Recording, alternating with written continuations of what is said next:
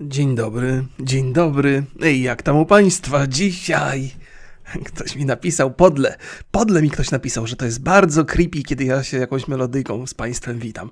Nie, to jest, to jest bardzo niewłaściwe podejście. Creepy jest wtedy, kiedy mała dziewczynka zaczyna śpiewać i to się kojarzy zawsze z horrorami.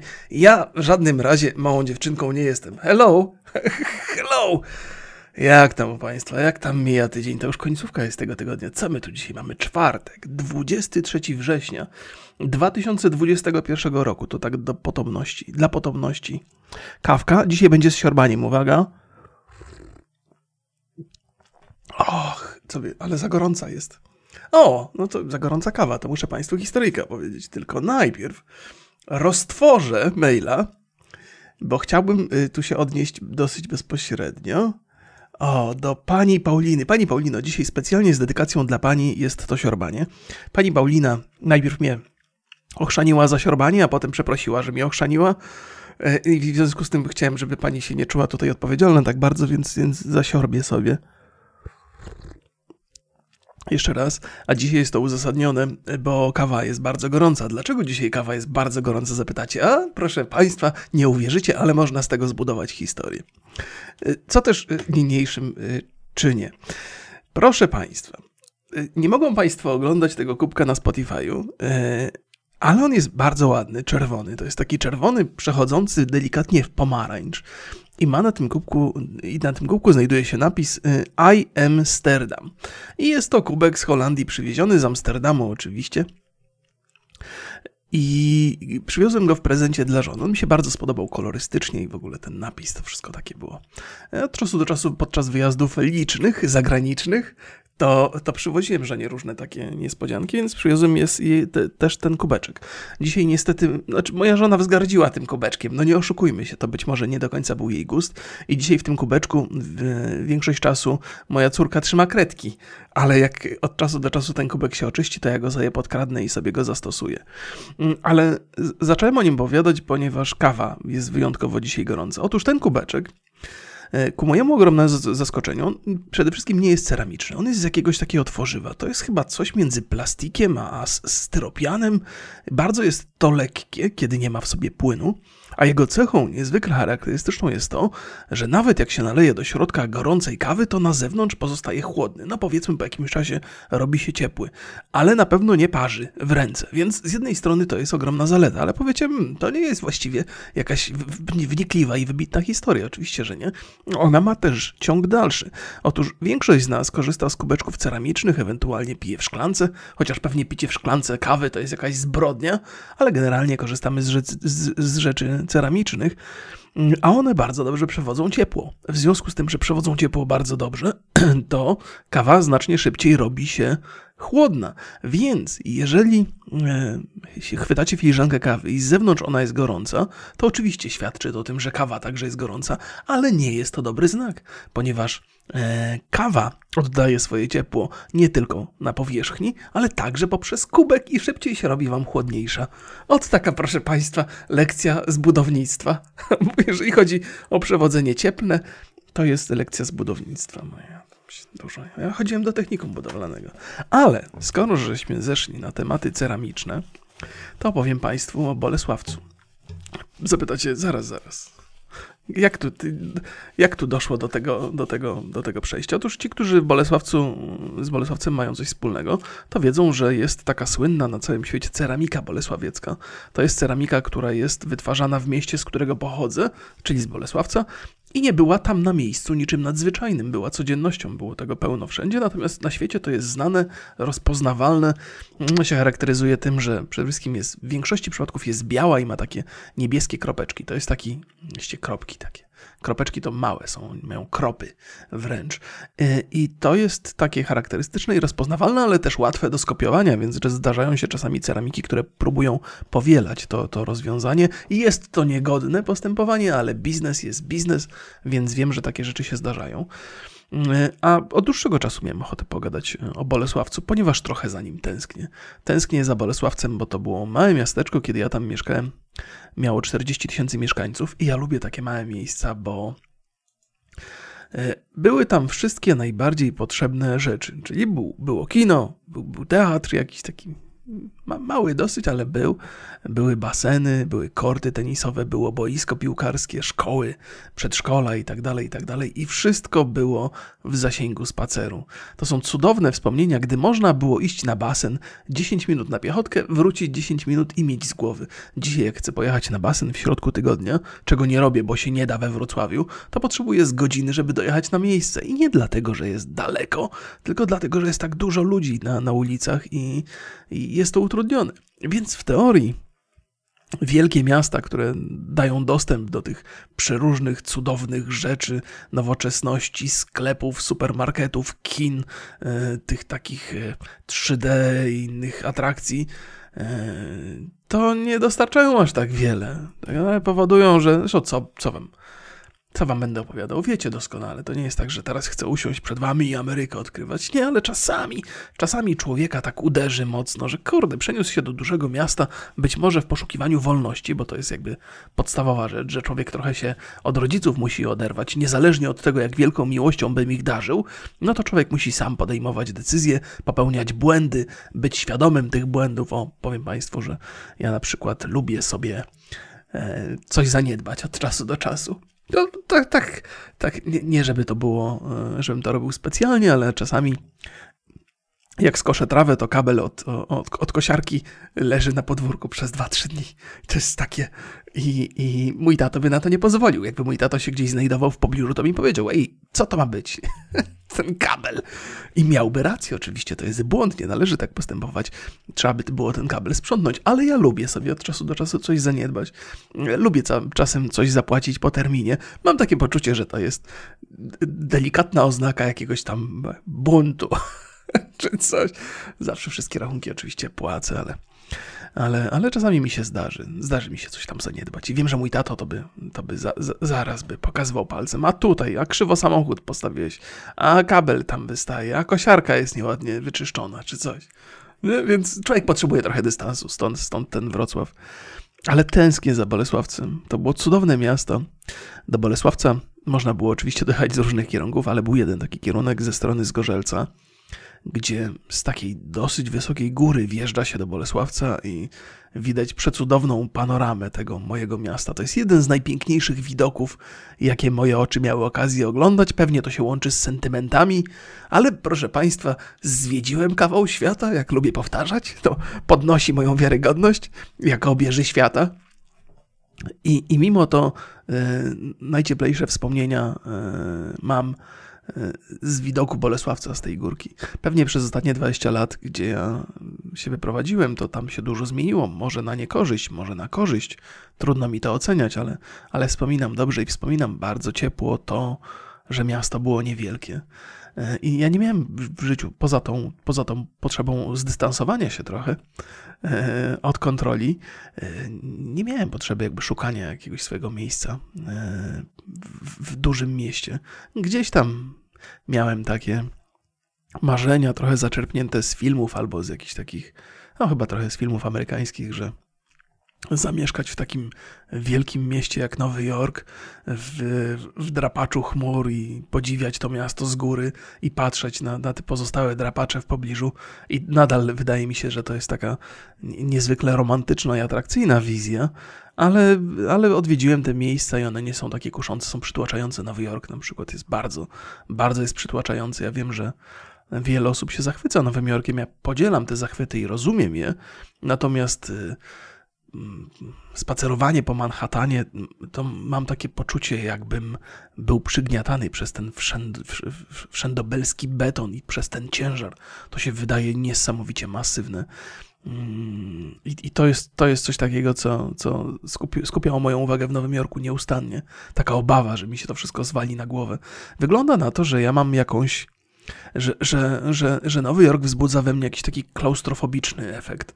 Yy, nigdy siebie nie miałem za zwolennika natury, że tam och, położyć się na łące albo podróżować między drzewami. Jakoś mnie to nie kręciło, jak dostrzegam romantyzm te, tej wizji kolejnej. Natomiast ja zawsze wolałem miasto, ale to miasto nie może być, nie może być takie ogromne, nie może być takie wielkie. I myślę sobie, że Bolesławiec z, tym swoim, z tymi swoimi 40 tysiącami mieszkańców, przynajmniej kiedyś, to idealnie się wpisywał w moje potrzeby. E, to, co było najbardziej przydatne do, do życia i do rozrywki, było w zasięgu ręki, wszystkie pozostałe rzeczy nie chciało mi się po to sięgać. Więc proszę Państwa, jeżeli jesteście jeszcze młodzi i planujecie ruszyć w, wielki świat, to może się nagle okazać, że, że sentymenty mm, pozostawiły w Was więcej sympatii do miejsca, w którym, w którym się urodziliście, niż bylibyście się gotowi do siebie e, bylibyście się gotowi przyznać przed sobą do tego. Być może to też wynika, że, że to jest taki, takie, taka trochę bumeriada, nie? że mm, dobrze wspominamy miejsca, które nas otaczały w dzieciństwie, nie dlatego, że te miejsca były cudowne, ale dlatego, że byliśmy dziećmi. I jako dzieci e, mieliśmy szczęśliwsze życie, bo jeszcze żeśmy nie wiedzieli, co to znaczy troska, zmartwienie i tak dalej. I szczęście to jest coś, co jest tam łatwe, łatwe do zauważenia, a w zasadzie to jest to, co nas, e, co nas mocno, mocno otacza i dotyka, bo innych rzeczy nie potrzebujemy rozumieć. Nie? No to kawka. Ciągle gorąco do diabła. Ale to dobrze, to dobrze. Chociaż muszę przyznać Państwu, że ja to tak lubię, y, to też pewnie jest jakaś herezja straszna i prawdziwy kawosz się wzruszy z oburzeniem, y, kiedy to usłyszy, ale ja lubię, kiedy ta kawa jest odrobinę chłodniejsza, bo też zalewam ją sobie mleczkiem, które pochodzi z lodówki, więc siłą rzeczy ona musi się schłodzić i to jest coś, co polubiłem. Lubię ten kremowy smak, mm, który ze skondensowanego mleczka e, wynika. To jest jedyna moja słabość, jeżeli chodzi o cukry. No, przepraszam, nie do końca. Jeszcze sobie dzisiaj kupiłem cztery śliwki. Pomyślałem, a zaszaleję, jakiś słodki owoc dzisiaj. Zasłużyłem sobie, zasłużyłem sobie, bo oczywiście rano miałem ten swój intensywny marsz, mam to już z głowy. Muszę przyznać, że tak z takimi, z takimi e, trochę mm, pretensjami e, odpowiadałem na tego maila. Może pretensjami to za dużo powiedziane, ja raczej podchodzę do tego na, lu na luźno, ale pan mi opowiadał, że, a, że wywalił te wszystkie swoje pomysły na śmietnik. Dwa razy marsz w ciągu dnia załatwi mi sprawę. I oczywiście ta, tam taka dłuższa była rozmowa na ten temat i zauważyłem, myślę, że trafnie, że każdy ma inne potrzeby fizyczne i inne rzeczy sprawiają mu przyjemność i przy innych rzeczy potrafi wytrwać, ale te dwa intensywne marsze, które sobie wkomponowałem w każdy mój dzień, muszę przyznać, że przynoszą bardzo pozytywny rezultat. I chyba nawet lepszy niż e, ten Ring Fit, czy Fit Ring, jak to jest tam z Nintendo Switcha. E, mogę sobie pochodzić, posłuchać podcastów, posłuchać muzyki i to dziękuję, dziękuję. Ale widzicie, ja też jestem taki, że na początek wzbudziło to mój protest i powiedziałem, że nie, ale, ale sprawdziłem sobie, żeby wyrobić opinię i się okazało, że niezły jest to pomysł. Więc jeżeli ktoś szuka sposobu na to, żeby się trochę poruszać, ale żeby to nie było zbyt zabójcze i zniechęcające, to taki marsz e, dwa razy 30 minut w ciągu dnia e, bardzo dobrze robi robotę. No i można przy okazji posłuchać jakiegoś sympatycznego podcast, podcastera, podcastera. E, ja siebie polecam oczywiście. A propos, a propos polecania, to, to przypominam też Państwu, że, że współpracuję z, z, firmą kosmetyczną, która znajduje się pod adresem rarecraft.pl przez C przez C Craft. Muszę to gdzieś zamieszczać w, w, linkach i to jest fantastyczna marka i jeżeli jesteście mężczyzną albo dbacie o swojego mężczyznę, to musicie tam zerknąć i sobie wypróbować te kosmetyki, bo to jest genialna sprawa. I dzisiaj już jestem po kąpieli, po tym pierwszym marszu i oczywiście, że jestem cudownie y, higieną potraktowany i pachnący. Nawet gdzieś tam pocałowałem żonę, ona powiedziała, mmm, co tak ładnie pachnie. Powiedziałem, no wiesz, widzisz, to jest balsam do mojej brody co go reklamuję ostatnio, bo jest cudowny. E, to tyle w kwestii reklamy. Mam nadzieję, że Państwo się, nie proszę Was, nie gniewajcie się, wręcz przeciwnie, powinniście. Jak każdy facet, który skorzysta z mojego polecenia, to potem będzie do końca życia będzie pachnący i będzie wdzięczny, że ja mu tak podrzuciłem taki pomysł. Więc rzućcie sobie nosem. Szkoda, że przez internet nie można poczuć tych zapachów. Ale żeby nie było tak e, radośnie i entuzjastycznie, ja muszę Państwu od czasu do czasu dorzucić taką kroplę dziękciu do tych moich opowieści. Ja pamiętam, zdarzało mi się słuchać e, trójki lata, lata temu, kiedy ta trójka była inna, powiedzmy. I od czasu do czasu tam się zdarzały takie mm, programy radiowe z, z panią, nie pamiętam nazwiska. Hmm, przepraszam. Zaraz, to jest. To, Muszę jeszcze jedną historię powiedzieć, ale to zaraz. I ta pani przesadzała z entuzjazmem, to znaczy ten entuzjazm był tak e, wyraźny, tak z niej wypływał. Ja rozumiem, że ten entuzjazm był szczery, ale nie dało się tego słuchać. Ja nie mogłem tego, po prostu wyłączałem radio od razu. Nie dlatego, że sam byłem nieszczęśliwy i mnie to kuło w oko, tylko dlatego, że w pewnym momencie, kiedy euforia i radość przekracza granicy absurdu, to człowiek zaczyna sobie słuchać, zaczyna sobie zadawać pytanie, jak wiele prawdy jest w tym entuzjazmie, a jak wiele jest e, automanipulacji, bo jestem absolutnie przekonany, że każdy z nas może się doprowadzić do jakiegoś stanu euforii e, przynajmniej jeżeli nie cierpi na depresję, do jakiegoś stanu euforii e, na własne życzenie. Jeżeli będzie chciał i będzie mocno pracował nad sobą, to, jest takie, to są takie uczucia, które można w sobie wzbudzić i to są też takie uczucia, które można w sobie zgasić. E, można się doprowadzić do stanu cierpiętniczego i bardzo, bardzo smutnego, jeżeli, jeżeli nad sobą popracujemy. To jest też ciekawa lekcja do tego, do jakiego stopnia możemy mieć wpływ na nasze samopoczucie, bo możemy mieć wpływ, tylko trzeba, trzeba nad tym pracować. Nie żeby było tak, że ja tutaj mm, jestem znawcą albo jakimś guru, który który mówi Państwu, jak sobie poprawić humor, bo nie mam zielonego pojęcia. Opowiadam o tym dlatego, że sam zauważam e, w sobie czasami te procesy e, automanipulacji. One nie przeszkadzają mi specjalnie, bo to nie ma nic lepszego niż poprawić sobie humor, ale nie robię tego nigdy świadomie, to się gdzieś tam podświadomie odbywa. Natomiast też dostrzegam u innych ludzi, mam wrażenie, te takie mm, trochę mm, wysiłkowe próby, by poprawić sobie humor. Albo też dostrzegam, jak ludzie szukają za wszelką cenę okazji, żeby pomarudzić. Ale to chyba każdy dostrzega takie rzeczy. Nie? To nie jestem jakiś wyjątkowy w tej, w tej kwestii. No, więc tam miałem takie, takie, takie miałem spostrzeżenie, że, że dostrzegam nadmierny entuzjazm i, i to mnie koło mnie, to kuło mnie to w oko. Pastrami. Pastrami. Zapytacie Państwo, co to, co jest grane? Dlaczego pastrami teraz? Skąd mi ten pomysł wszedł do głowy? Co ja, o czym ja chcę opowiadać? No otóż, proszę Państwa, mnie właśnie coś w, w ustach przemknęło przed sekundą i to spowodowało moje skojarzenie z pastrami. I przeczytam Państwu pastrami. To jest taka wędlina, którą, o której słyszałem parę razy, ale nie miałem okazji jej zjeść. Pastrami. Sposób przechowywania i konserwowania mięsa, a także mięso konserwowane w odpowiedni sposób przez solenie, peklowanie, a następnie wędzenie. Jest charakterystyczny dla kuchni amerykańskiej, tradycyjnie wytwarzany jest z wołowiny, choć w handlu można spotkać pastrami wykonane z baraniny, wieprzowiny bądź łososia. Moje dzisiejsze pastrami to było wołowe. To jest takie mięso, które jest dosyć ciemnoczerwone i przetykane gęstą siatką niespecjalnie grubych, białych linii tego tłuszczu. Z zewnątrz jest z reguły czymś posypane, czy to jest pieprz, czy to jakieś przyprawy, to może do tego do, do, dotrzemy. Pierwszy raz o pastrami usłyszałem podczas oglądania, e, podczas oglądania programu Jerego Seinfelda, że to opowiadałem o tym chyba całkiem niedawno. E, comedians, comedians in Cars Getting Coffee. E, I to w ogóle polecam Państwu, to, to, powinienem podkreślić ostatnio, bo to jest świetny, fantastyczny jest to, jest to, jest to mm, program. Mm, I on zabiera tam oczywiście różnych ludzi, których lubi, którzy go bawią e, na, na, na kawę, ale też od czasu do czasu wyskoczą na jakieś tam jedzenie, no i jedli pastrami. I to pastrami Kanałka z pastrami, aż mi teraz ślinka cieknie, jak o tym opowiadam. Państwu pewnie też. Jeżeli ktoś jest głodny, to przepraszam. Ale nic nie poradzę. To jest taka, to jest kanapka, która jest z reguły bardzo gruba i grubość jej wynika z tego, że jest tam bardzo dużo tych plastrów pastrami. Zresztą jak się w porządnym mięsnym sklepie to pastrami kupuje, to pani sama proponuje, by pokroić plasterki odrobinę grubiej niż tradycyjnej, tradycyjnej wędliny.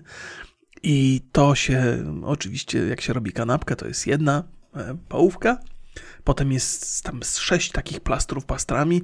Na wierzchu może być musztarda, albo może być na przykład jajko sadzone, ale też musztarda i z góry przychodzi pokrywka w postaci drugiej kanapki. Ja oczywiście nie jadam tego z, z, z, bułkami czy z pieczywem, bo to jest produkt, którego unikam, ale kiedyś, kiedyś, jak będę szczupły, y, sprawny i wszystkie dziewczyny na ulicy będą się za mną e, oglądały, to sobie sięgnę po taką kanapkę. I jeszcze tak zjedzenie tego z ogórkiem kiszonym to jest absolutna poezja. Więc, e, więc dzisiaj miałem, e, pierwszy raz w Polsce kupiłem pastrami. Być może mogłem kupić już wcześniej, ale po prostu nie zwracałem na to uwagi. Tak mi się przypomniało. I kupiłem sobie 15 deko pastrami. Na początku powiedziałem, proszę mi dać 10, bo to droga wędlina, chyba 60 zł kosztowała za kilogram. Ja nie jestem przesadnie rozrzutny, ale też nie jestem przesadnie oszczędny. Zatem powiedziałem pani, poproszę 10 deko. Tam wyszło z 5 plasterków tego pastrami. Mówię, a wie pani co, tak może do 15? Zaszalejmy dzisiaj. Więc sobie wziąłem 15 deko tego pastrami i, i, przyniosłem do domu i zjadłem nawet w zasadzie niecałe, bo jeden plasterek y, mi żona podkradła i mówi, ale to dobre, co to za wędlina taka dobra? Mówię, Kochanie, to jest pastrami. Lata o tym myślałem i, i teraz zjadłem. Powinienem. Ech, to chyba trochę spaliłem, to trochę taki. Mój pierwszy stosunek z pastrami Źle to powiedziałem, bo bardzo źle. Moja pierwsza relacja z pastrami powinna się była odbyć w sposób tradycyjny, czyli z kromką chleba albo z, albo z, z, z, z bułką. Ja tak trochę potraktowałem to, wpisałem to odrobinę w swoją dietę za bardzo. Powinienem był to potraktować jako pewnego rodzaju rytuał. Spróbuję to naprawić za jakiś czas. Ale powiem Państwu, y, y, sięgnijmy trochę po historię, poczytajmy trochę mądrych rzeczy w internecie. Tylko kawkę sobie, bo tak mi potwornie ślinka pociekła. Boż. Pastrami to jest historia. Jest sposobem konserwowania, który znany był w Rumunii, a następnie został zaszczepiony w Stanach Zjednoczonych przez rumuńskich Żydów. Dawniej była to potrawa biedniejszych warstw społecznych, to też początkowo ze względu na cenę pastrami wykonywane było z gęsich piersi, a następnie z mostka wołowego. W 1887 po raz pierwszy kanapkę z pastrami zaserwował nowojorski rzeźnik litewskiego pochodzenia. Kanapka ta jest popularna również w XXI wieku. A Dzień Pastrami obchodzony jest 14 stycznia. Muszę zapisać w kalendarzu. Dzień Pastrami, to muszę pójdę do mięsnego, ja tam zawsze się trochę zakompluję z ekspedientkami w sklepach, bo jestem sympatyczny i, i, i tak i, i, nie wiem, czy nie jestem creepy przy okazji, ale Trzeba próbować się kontaktować z ludźmi, ok?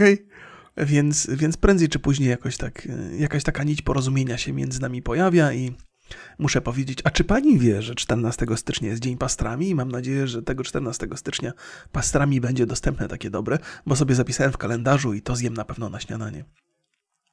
Współcześnie przygotowanie pastrami według tradycyjnych receptur jest kosztowne i długotrwałe, zatem wytwarza się je w uproszczony sposób. O! Hmm. Y, y, no dobrze, no to Państwu prze przeczytałem. Y, to akurat jest Wikipedia w wersji polskiej.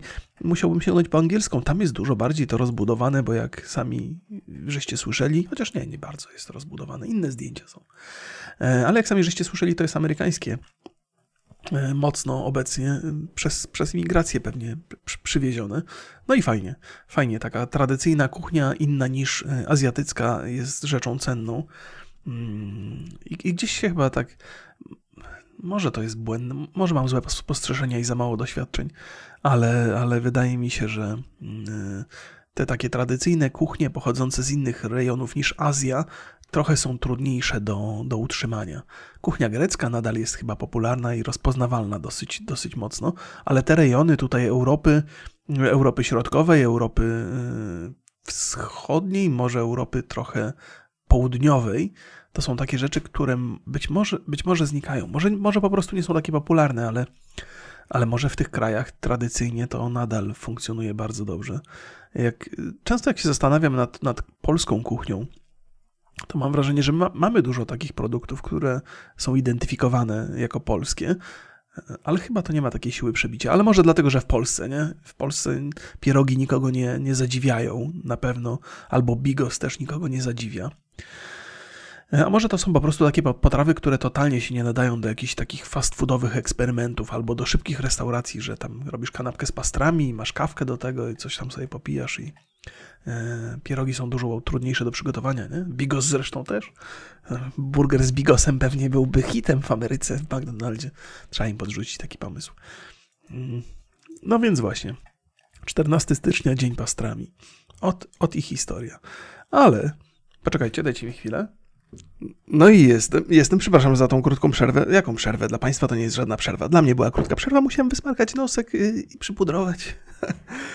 E, to żart, Boże drogi, pudrowanie noska, jak, jak dziennikarz jakikolwiek, na przykład, nie dziennikarz, ja się nie mam za dziennikarza, ale to jest dobry przykład, mówi, że poszedł przypudrować nosek, to wiadomo, że korde wciągało do nosa, żeby być, mieć więcej energii, nie?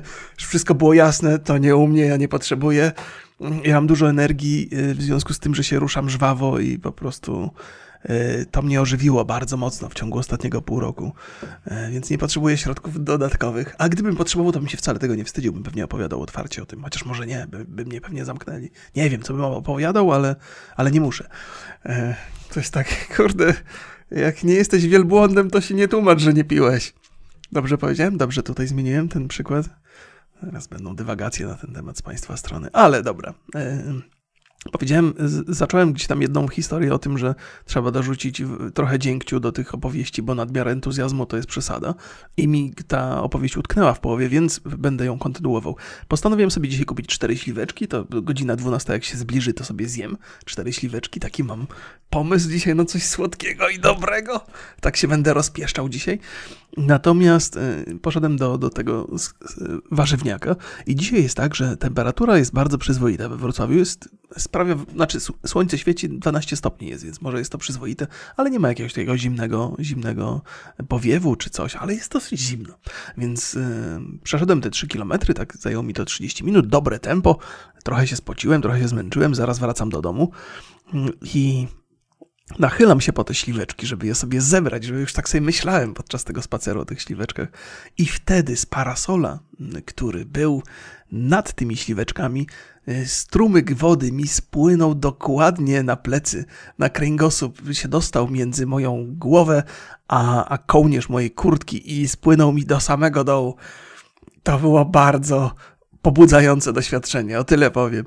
I mówię, no to nie jest coś takiego, co ach, chłodno przez chwilę i potem, o to takie odświeżające. Nie, to miałem mokry tyłek potem po tej akcji i mokre plecy.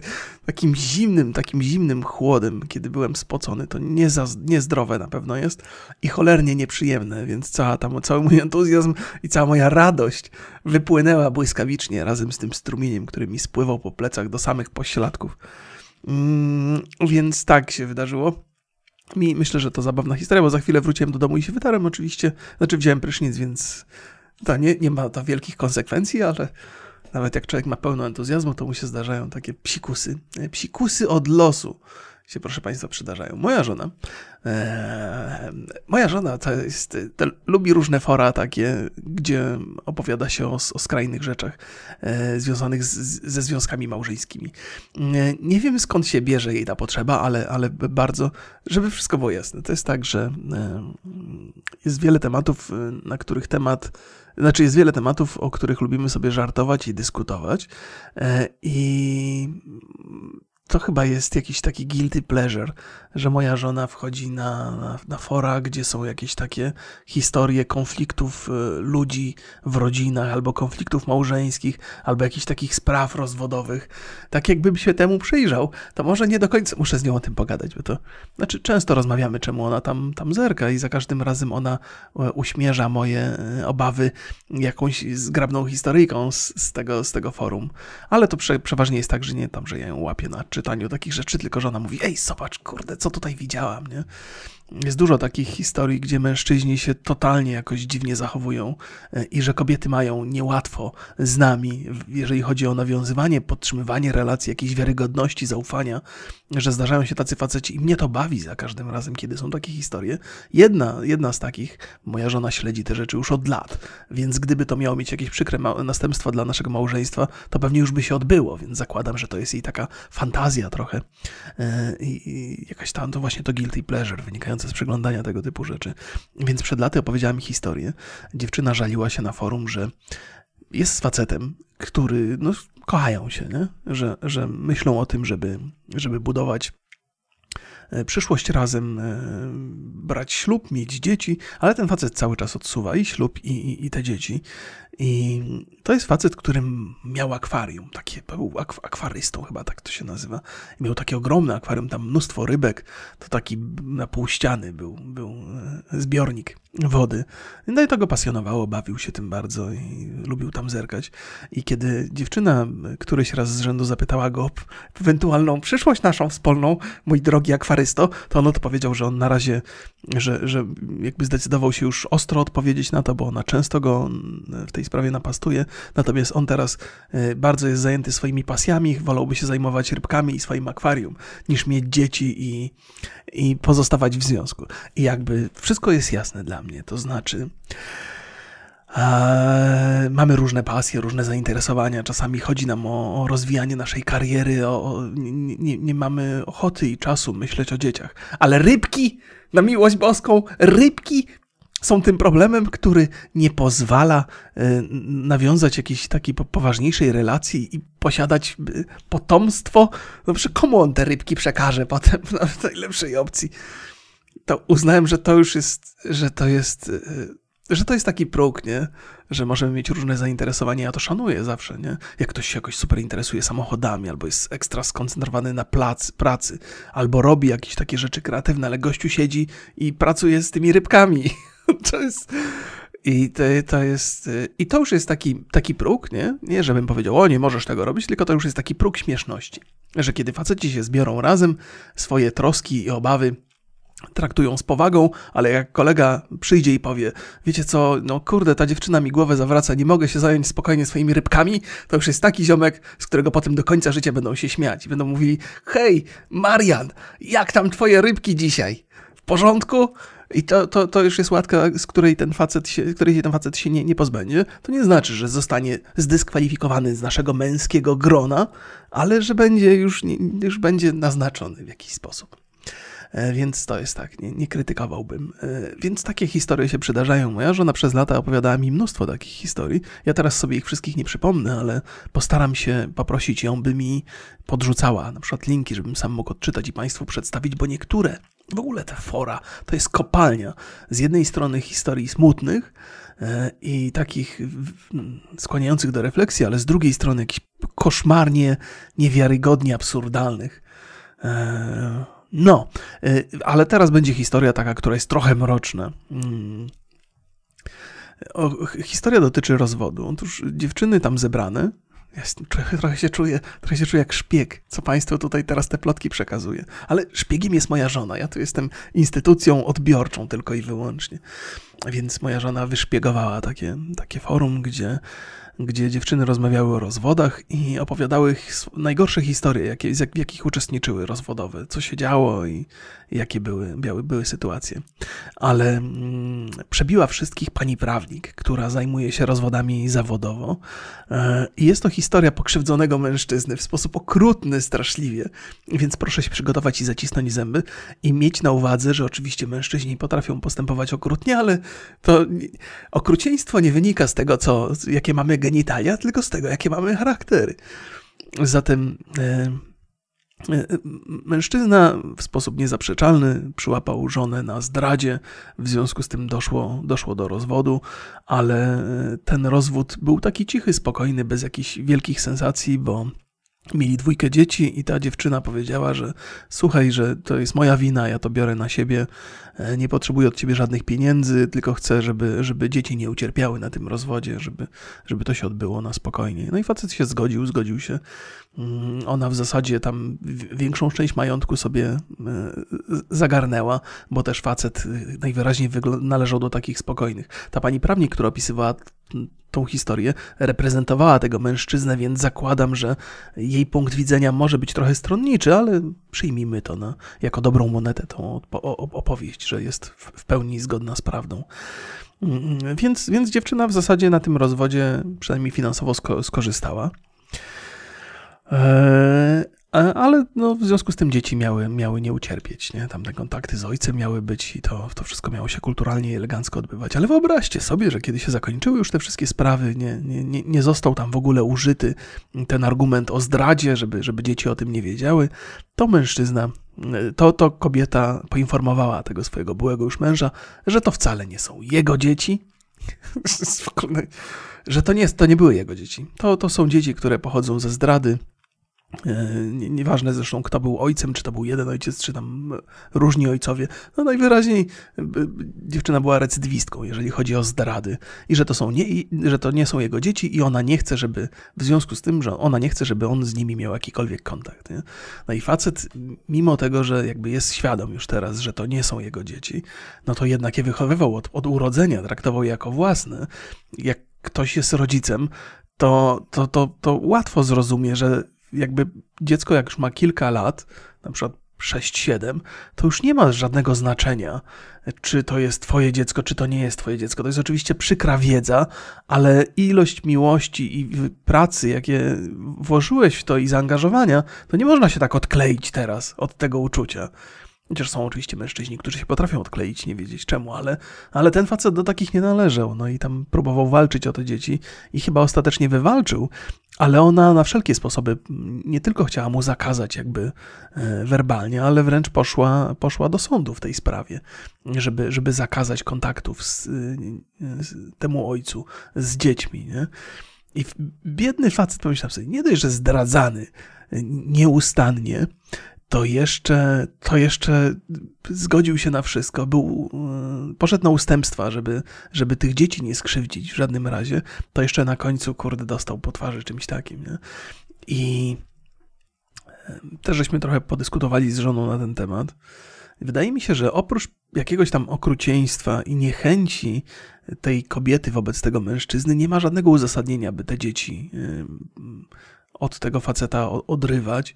Nie sądzę, by to miało pozytywny wpływ na te dzieci, więc, więc ta kobieta raczej nie myślała o, o tym, żeby, żeby dbać o dzieci. To był jej, jej osobisty interes, jej osobiste okrucieństwo. Ale zawsze wychodzę z założenia i myślę, że często mam, myślę, że zawsze mam rację. To nawet jeżeli postępujemy w sposób zły, niewłaściwy i tak patrząc z zewnątrz okrutny, to musimy mieć jakieś e, coś musi w naszej głowie być, co usprawiedliwia tego typu zachowanie, bo nikt, nikt z nas, nawet ci, którzy postępują najokrutniej, nie myślą o sobie źle, że ja jestem tym, jestem złym bohaterem tej, tej historii i robię okropne rzeczy.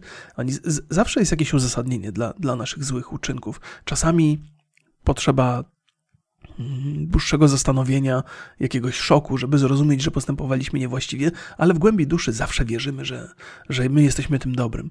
I zastanawiałem się z żoną, co mogło motywować tę kobietę do tego, że mm, jak ona mogła sobie ułożyć w głowie historię, w ramach której ona jest, postępuje dobrze, postępuje właściwie. I wydaje mi się, że za każdym razem, kiedy postępujemy w sposób niewłaściwy, w tym przypadku przyjmijmy, że zdrada męża była sposobem niewłaściwym, rzeczą niewłaściwą, to próbujemy sobie uzasadnić to, że zdradzam go nie dlatego, że mam takie fantazje i mam taką potrzebę, tylko dlatego, że on o mnie nie dba we właściwy sposób. E, że, że on nie troszczy się o naszą miłość, że on na przykład zajęty jest pracą zamiast naszym związkiem i szukamy sposobu, by drugą osobę obwinić o, o, nasze grzechy. I dosyć dobrze sobie z tym radzimy. Tak jesteśmy psychologicznie zbudowani, że fantastycznie sobie radzimy z przerzucaniem winy na innych ludzi, odrzucaniem od siebie. To jest taki właściwie, to nie, nie tylko wynika z, z z dziwności naszej natury, ale to jest mechanizm obronny, byśmy nie byli przytłoczeni zbyt mocno naszymi złymi, w oczywisty sposób uczynkami. Więc jest taki, jest taki proces i, i przerzucamy to, przerzucamy. I mam wrażenie, że im więcej robimy rzeczy niewłaściwych, tym nasza nienawiść wobec ofiary rośnie, tym bardziej, tym większą winą go obarczamy. I rezultat pewnie miał miejsce podczas tego rozwodu, gdzie facet, któremu przynajmniej wedle naszej wiedzy nic nie można było zarzucić, stał się największym sprawcą wszystkich nieszczęść, które się wydarzyły w oczach tej kobiety. Że to on był winny tego rozwodu, on był winny tych zdrad i w związku z tym, że on jest taki winny i okrutny, to także należy go ukarać tym, by nie widział dzieci, by się z, z dziećmi nie spotykał, bo może mieć także zły wpływ na te dzieci. I wydaje mi się, że w głowie tej kobiety takie było uzasadnienie, że ona nie widziała siebie jako sprawcę okrucieństw, tylko jako ofiarę, i, a sprawcą jest ten facet. Nie? I, I tak to jest, i wydaje mi się, że to jest takie naturalne. W sensie naturalne, że w ten sposób budujemy sobie poczucie z jednej strony usprawiedliwiania się, nie, poczucie, no, że w ten sposób usprawiedliwiamy swoje złe, złe czyny i też skazujemy tych innych ludzi na, na, na nasze złe, złe reakcje. Wydaje mi się, że ktoś dużo mądrzejszy ode mnie opracował to już w postaci jakiegoś tekstu. E, I, I, wydaje mi się, że mm, to są rzeczy, które się przydarzają i że to jest na, naturalne i powtarzalne w ludzkich zachowaniach. E, inny taki przykład, który trochę być może mieć z tym wspólnego, to jest przykład dłużnika i jak jest, co jest, dłużnik to jest ten, co ma oddać pieniądze, a ten długodawca, Zaraz sobie wpiszę, bo jest, jest taki wyraz. Przeciwieństwo dłużnika. Może mi coś wyskoczy od razu. Mm, dłużnik, dłużnik, dłużnikiem, dłużnikami. E, hmm. Wierzyciel. Oczywiście jest niegodne to, że musiałem sobie prze, prze, przeszukać to w internecie, więc jest y, dłużnik i wierzyciel. E, zdarzają się takie sytuacje, że ktoś komuś pożyczy pieniądze. I te pieniądze nie są jakieś wybitnie duże, e, ale jest, jest jako że jest spokoziomkiem, to pożyczył tą kasę i, i nawet nie, nie ma pretensji, nie, nie zgłasza za, zapotrzebowania zwrotu. Wychodzi, wychodzi z takiego założenia, że pożyczył osobie uczciwej i ta osoba uczciwa mu odda te pieniądze prędzej czy później nie trzeba cisnąć. Więc jest takim super wierzycielem, e, super ziomkiem. E, natomiast często się zdarza w, u takiego dłużnika, który nie zwraca tych pieniędzy z różnych powodów, może ich nie mieć, może nie chcieć zwracać, może próbuje o tym zapomnieć, zaczyna się w nim pojawiać niechęć wobec wierzyciela. Niechęć totalnie nieuzasadniona. Ale sama świadomość tego, że jesteśmy coś komuś winni i nie, nie realizujemy, nie, nie próbujemy tego załatwić, nie próbujemy tego naprawić, tylko wisi nad nami ta, ten dług i świadomość tego, że coś komuś jesteśmy winni, że ten, ten psychologiczny mm, mechanizm, który działa w naszej głowie, zaczyna to prze, przetwarzać na naszą niechęć wobec wierzyciela, i dzięki temu rodzi się taka, e, taka myśl, że że ten gościu jest fatalny, ten wierzyciel jest, jest zły i to nawet dobrze, że mu nie oddaje tych pieniędzy. Że, że zasłużył sobie, że pewnie gdzieś tam w przeszłości zrobił dużo złych rzeczy, albo przypominamy sobie takie na przykład jakieś konflikty albo kłótnie, mówimy, a on mi zrobił to i to i tamto, bardzo mu tak dobrze, teraz jest w plecy dwie stówki i nie zamierzam mu tego oddawać. I coraz bardziej pojawia się pojawia się niechęć wobec człowieka, który tak naprawdę był wobec nas serdeczny, zrobił coś dla nas dobrego, ale w ten sposób zbudował pewien, pewną zależność między nami i ta zależność nam nie pasuje. E, a co jeszcze, jak dochodzi do takiej sytuacji, że ten wierzyciel gdzieś mówi któregoś razu, ej, słuchaj stary, wiesz, bez pośpiechu, bez presji, ale pamiętasz, że tam dwie stówy mi wisisz? No i wtedy to się już zaczyna katastrofa. Ja ci dwie stówy, ty mi będziesz dwie stówy wypominał, a pamiętasz Julkę?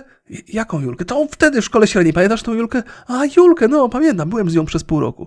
No, no to ja chciałem z nią być dłużej, ale ty, że się poderwał i teraz, a ty mi dwie stówy wypominasz, a może żeś zniszczył miłość mojego życia. Oczywiście to jest przesada, a może nie jest. E, no, więc, więc pojawiają się tego typu dziwne, dziwne zależności międzyludzkie. I dlatego, proszę Państwa, ja nigdy nie pożyczam pieniędzy.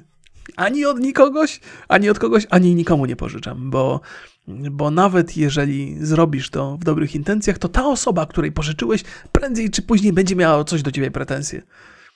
Bo tak działamy, bo tak funkcjonujemy. No. A jeżeli już zdarzy mi się, że jestem komuś winny pieniądze, bo zdarzają się takie sytuacje, że na przykład jesteśmy w jakimś lokalu i nie można zapłacić kartą, a ja mam tylko kartę, więc mój znajomy płaci, płaci, płaci gotówką, to staram się oddawać natychmiast, tak szybko jak tylko mogę.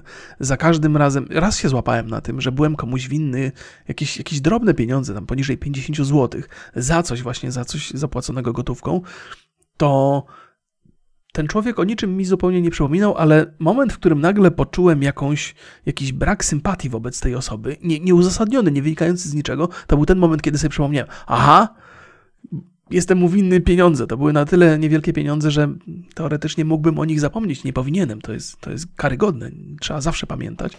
Ale to był taki sygnał, że e, okej, okay, zawsze pamiętałem do tej pory, żeby oddawać długi, tym razem zapomniałem, i jaki efekt to wywołało i nigdy już nie zapomnę. Przede wszystkim nie pożyczać, bo to, to, tego się staram trzymać, no ale czasami dochodzi do takiej sytuacji, że nie ma wyjścia, mm, ale zwracać natychmiast tą kasę i z uśmiechem na ustach i z radością, bo, bo kurde, jesteśmy ciężko się kontrolować tak w 100%. Jesteśmy tak podatni na różne mechanizmy, które w nas działają, że to jest niewiarygodne. E, to opowiadałem o tym chyba ostatnio, że czasami nasz Dużo się dzieje poza naszą świadomą kontrolą w naszym organizmie, z naszym ciałem, ale także z naszym umysłem. Mm, że, że nie wszystko jesteśmy w stanie ogarnąć i, i nie można sobie ufać tak do końca. Zawsze trzeba mieć dystans do tych swoich różnych rzeczy, do różnych pomysłów, różnych i, i zawsze trzeba patrzeć, e, jeżeli jestem zły, to dlaczego tak naprawdę. Czasami jestem, czasami, o, to jest też, yy, czasami jest bardzo. Wiem, że się kręcę wokół tego tematu trochę, ale to jest coś, co mi chodzi po głowie nieustannie, że nasza reakcja na, na konkretne wydarzenia nie wynika z tego, jakie są te wydarzenia, tylko z naszego ogólnego samopoczucia w danym momencie. Nie? E, I to powtarzałem wiele razy i Państwo doskonale sobie pewnie zdają, zdają z tego sprawę. E, natomiast zawsze jest pewnym problemem ustalenie źródła naszego złego samopoczucia. Co powoduje, że mamy zły humor? Coś się wydarzyło w pracy, e, film się nie obejrzał na YouTubie, czy tam w przypadku moim, w moim przypadku ktoś mi napisał niemiły komentarz i to mi siedzi i to mnie gryzi, a nawet o tym nie wiem. A może po prostu jestem niewyspany. Wydaje mi się, że przez, przez, przez długi, długi czas, jeżeli zdarzał mi się, zdarzało mi się złe samopoczucie, to właśnie dlatego, że, że się nie wysypiałem, że bardzo dużo pracowałem, wydawało mi się, że wystarcza mi 5 godzin snu, bo jestem w stanie funkcjonować, ale pojawia się jakieś takie rozdrażnienie i nasza reakcja e, na rzeczy jest, jest inna niż zazwyczaj. A to jest coś, coś totalnie niezauważalne. To znaczy, w pewnym momencie, jak się regularnie nie wysypiasz, to to złe samopoczucie staje się do tego stopnia częścią ciebie, że nawet nie widzisz, że masz złe samopoczucie. To jesteś po prostu ty. E, I moment, w którym nagle postanawiasz przyjrzeć się swojemu terminarzowi i, i, i poszukać czasu, by położyć się wcześniej spać i przespać te 8 godzin, chociaż to jest trudne. Nie udaje mi się tam tak, że e, śpię, z reguły śpię w tygodniu 8 godzin, ale któryś dzień mam taki, co 3-4 dni, że się obudzę po 4 godzinach i już nie ma szans, żebym zasnął. I wtedy śpię tylko te 4 godziny. Ale z reguły, z reguły staram się trzymać tych 8, e, żeby, żeby być dobrze wyspanym, bo, no bo są rzeczy, których nie kontroluję. Nie jestem w stanie mieć dobrego humoru, kiedy jestem zmęczony, pod, podirytowany i tego się nie da psychologicznie zwalczyć. Musisz po prostu się wyspać i koniec. I nie możesz też chodzić głodny. Jak człowiek chodzi głodny, to, to, to też, też jest zły. Nie? Więc diety, z dietami też trzeba uważać, bo jak się doprowadzisz do takiego stanu, że cały czas jesteś rozdrażniony, to może to nie jest warte. Gra może nie jest warta świeczki, jeżeli jesteś upierdliwy i męczący dla całej swojej rodziny. Ja nie byłem, znaczy trochę byłem pewnie lubię o sobie myśleć, że raczej jestem wyluzowany i łagodny i mam bardzo dobre relacje z rodziną, ale pewnie też mi się zdarzają jakieś tam wybuchy od czasu do czasu, każdemu się zdarzają.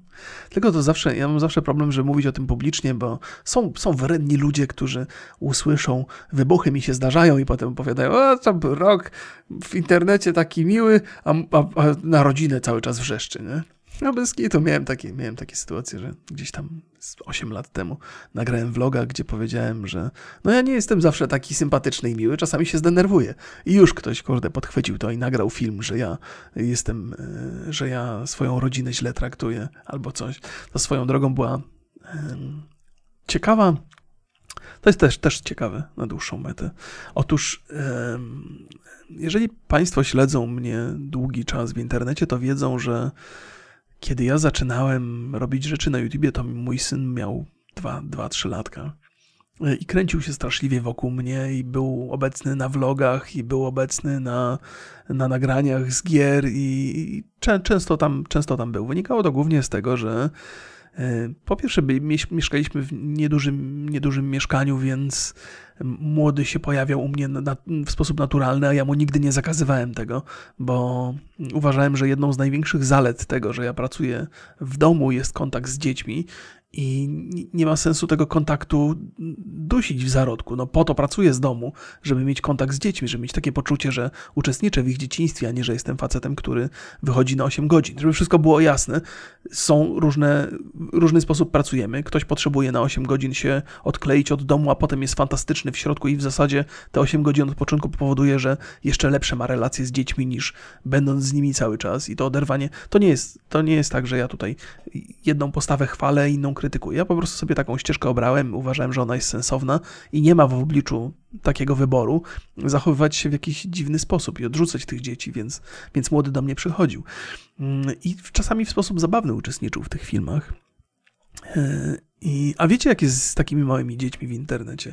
Pojawia się bardzo uzasadnione przypuszczenie, że ten dzieciak jest zmuszany do, do obecności na tym filmie, bo on nakręca oglądalność. Tam przechodzą młode matki albo, albo dziewczyny, dla których idea e, posiadania męża, który się interesuje dziećmi, z, z, z, z, czymś wartościowym, to bardzo poszerza grupę odbiorczą. To nie, niekoniecznie jest tak, że dzieciaki lubią oglądać dwulatka, który biega po, po, po ekranie, ale, ale zawsze dziecko wzbudza dodatkową sympatię, więc dla vlogera potencjalnie jest to fajny, fajny e, sposób na to, by nabić sobie dodatkowych wyświetleń. Więc takie podejrzenia się w moim stosunku, znaczy w stosunku do mnie pojawiały. Ja nie dziwię się, że one się pojawiały. Mm, no i tam za każda, każda wzmianka moja na temat tego, że nie zawsze jestem taki sympatyczny, spotykała się z takim z przemnożeniem tego w internecie, a wręcz podniesieniem do potęgi, że oto się pojawił dowód, że, że rok tutaj znęca się nad dzieckiem i zmusza je do obecności przed kamerą. Wręcz miałem takie, takie komentarze nie, niezwykle miałem jedną taką kłótnię, kłótnię z jakąś panią w internecie, że ona była absolutnie przekonana, że ja zmuszam swoje dziecko do obecności przed kamerą i, i na początku podjąłem z nią temat, że mówię, no wiesz co, no kurde, no mieszkamy razem, mamy mało miejsca i, i, młody, młody jest blisko i mnie to bawi, i mnie to cieszy i uważam, że to jest fajny pamiętnik też, te filmy wszystkie. Ale no nie, nie byłem w stanie jej przekonać. Uznała, że ja jestem od początku do końca złym rodzicem, który, który wykorzystuje obecność dziecka dla swoich własnych korzyści, nie dbając w ogóle o psychikę dziecka. Eee, I to chyba był też taki moment, że ja e, mm, trochę dałem się, dałem się trochę przytłoczyć przez te głosy i uznałem, że okej, okay, no nawet jeżeli nawet jeżeli jestem absolutnie przekonany, że nie mają racji, to może coś jest na rzeczy, może to nie do końca jest dobrze i, i od tego momentu starałem się trochę Mikołaja odsuwać od, od, od tej kamery, trochę wbrew, wbrew temu, co on chciał sam robić. Nie? A potem jak się z, z, starszy zrobił, to już sam uznał, że, że nie chce tutaj się pokazywać przed kamerą i ja to szanuję i i on nie jest obecny na moich, ani na moich nagraniach, ani na moich zdjęciach na Instagramie, bo taka jest jego wybór, świadoma wola i taki jest jego wybór. Ale nie wpłynęło to negatywnie na niego, żeby wszystko było jasne w szkole, też w ogóle na relacje między tymi dzieciakami. Chyba w ogóle to nie ma żadnego wpływu na nic z tego, co on mi opowiada. No, no, no, ale, ale mam takie obserwacje, kiedy zdarzało mi się e, mieć jakiś pomysł na zrealizowanie jakiegoś planu w ramach vlogu z moim synem, jeszcze zanim nastąpiło to takie trochę zerwanie z tym internetem, że mam, że mam, że, że słuchaj synu, zrobimy to, to i tamto, bo to może być fajne i zabawne, a przy okazji ty się pobawisz, a ja będę miał materiał.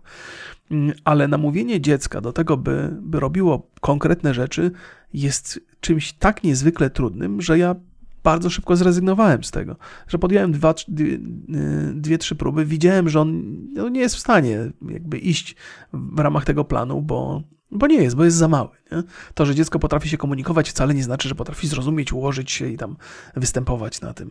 I, i to mi też wyrobiło taką opinię, że jednak znakomita większość filmów, z udziałem dzieci w internecie, na YouTubie, kiedy jest wykonywany jakiś plan, kiedy jest jakiś scenariusz, to albo dziecko jest super przyporządkowane i super jakby potrafi z tą kamerą współpracować, albo tam jest wiele takich przemocowych praktyk, przymuszania dziecka do, do postępowania wbrew sobie, że oczywiście tam mam tylko dwójkę dzieci, więc nie jestem to, to nie jest, to jest za mała próba, by rozumieć, jak dzieci reagują na konkretne sytuacje, ale na podstawie moich przeżyć e, mam takie wnioski, że przymuszanie dziecka albo realizowanie jakiegoś planu to jest coś, czego się nie da zrobić, nie stosując jakiejś przemocy. Więc za każdym razem, kiedy oglądam kanały, które są skupione na dziecku, które robi jakieś tam konkretne rzeczy, to myślę sobie, ok, nie jestem tego pewny, ale mam takie nieodparte wrażenie, że to, co się odbywa poza kamerą,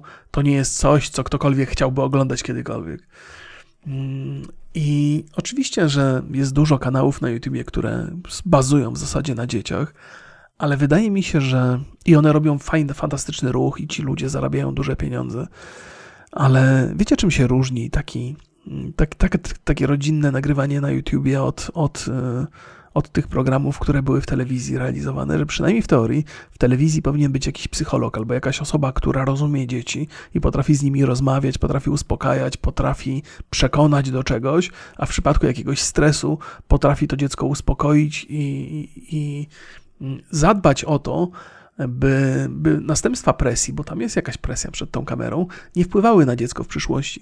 I wydaje mi się, że nawet takie rodzinne kanały, gdzie tam ludzie się super kochają, przynajmniej w teorii, że tam nie ma takich umiejętności ze strony tych rodziców, że my możemy być fantastycznymi, kochającymi rodzicami, ale nie wiemy, jak uczyć dziecko pisać, jak uczyć dziecko czytać, bo to nie jest też takie proste.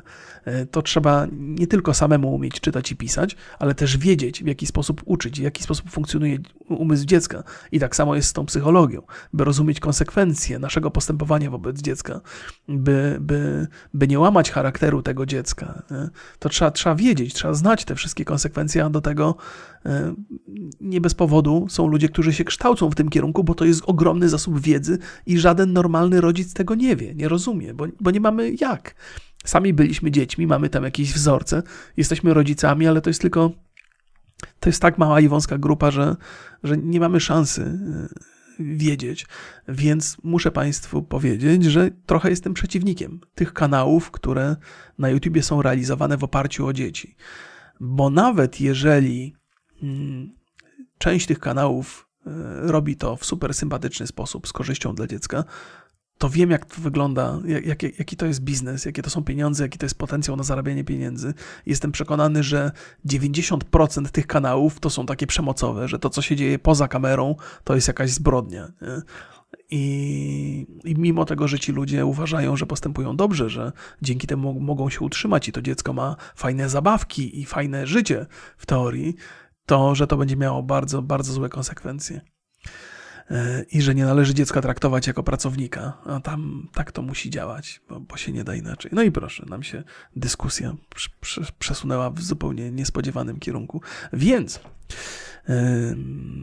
żałując trochę tego, że, że gdzieś tam mnie tam 10 lat temu napastowano za obecność dziecka w, w internecie czy na YouTubie, to dzisiaj z perspektywy tych 10 lat muszę powiedzieć, że, że rozumiem te obawy ludzi.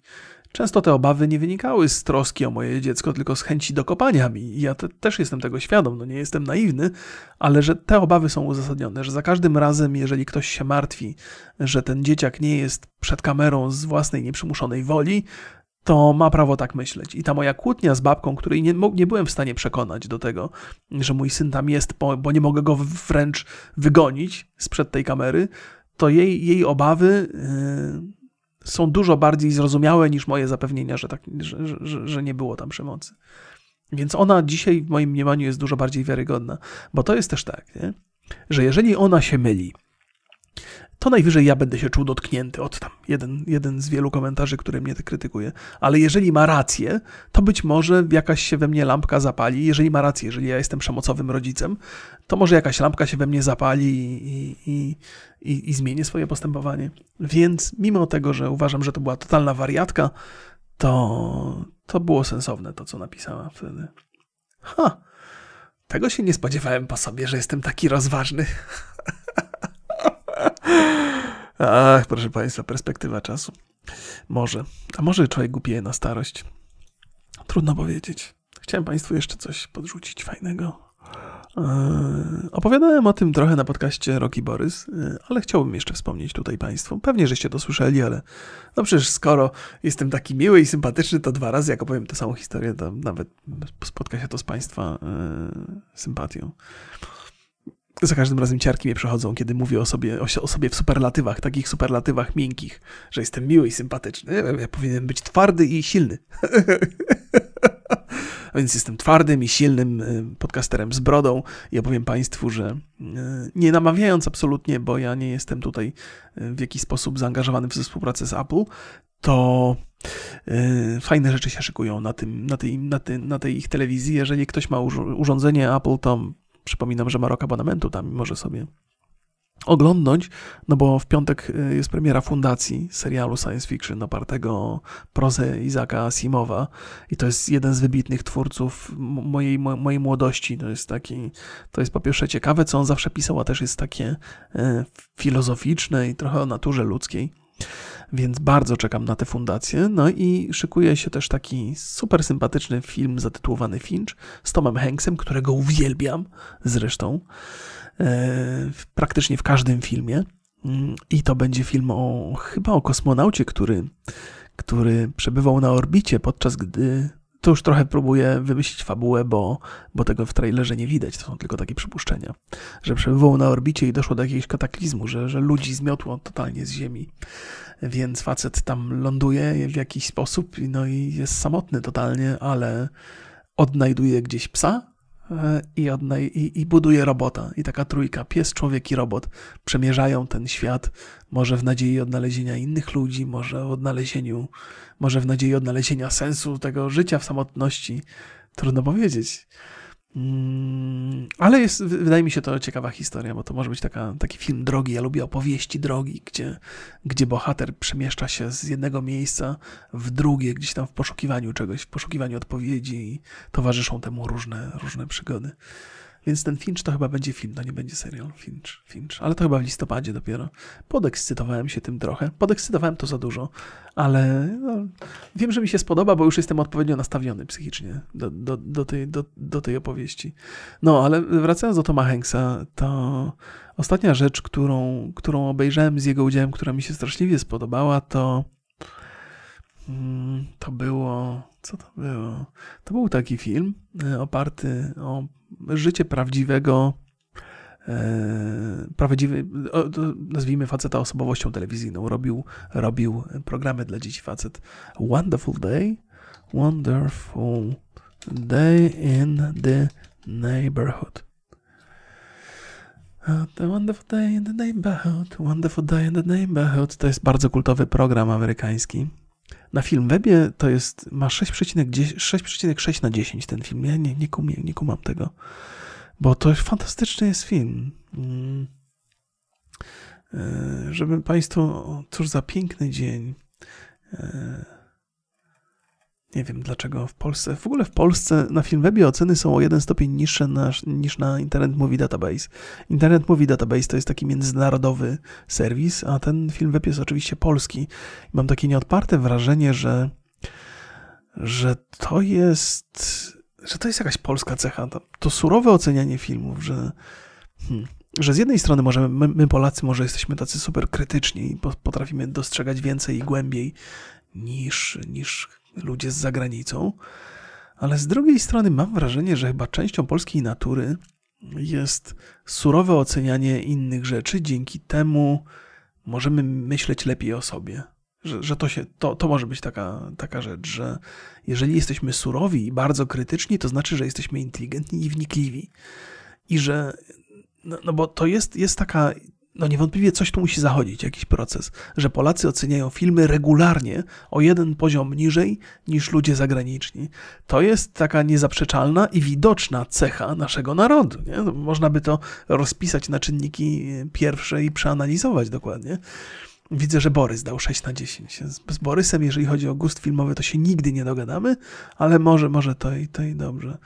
E, Tom Hanks wciela się w postać pana Rogersa we współczesnej historii o tym, jak uprzejmość triumfuje nad cynizmem. Całość oparta jest na prawdziwej historii przyjaźni Freda Rogersa i dziennikarza Toma Yunda.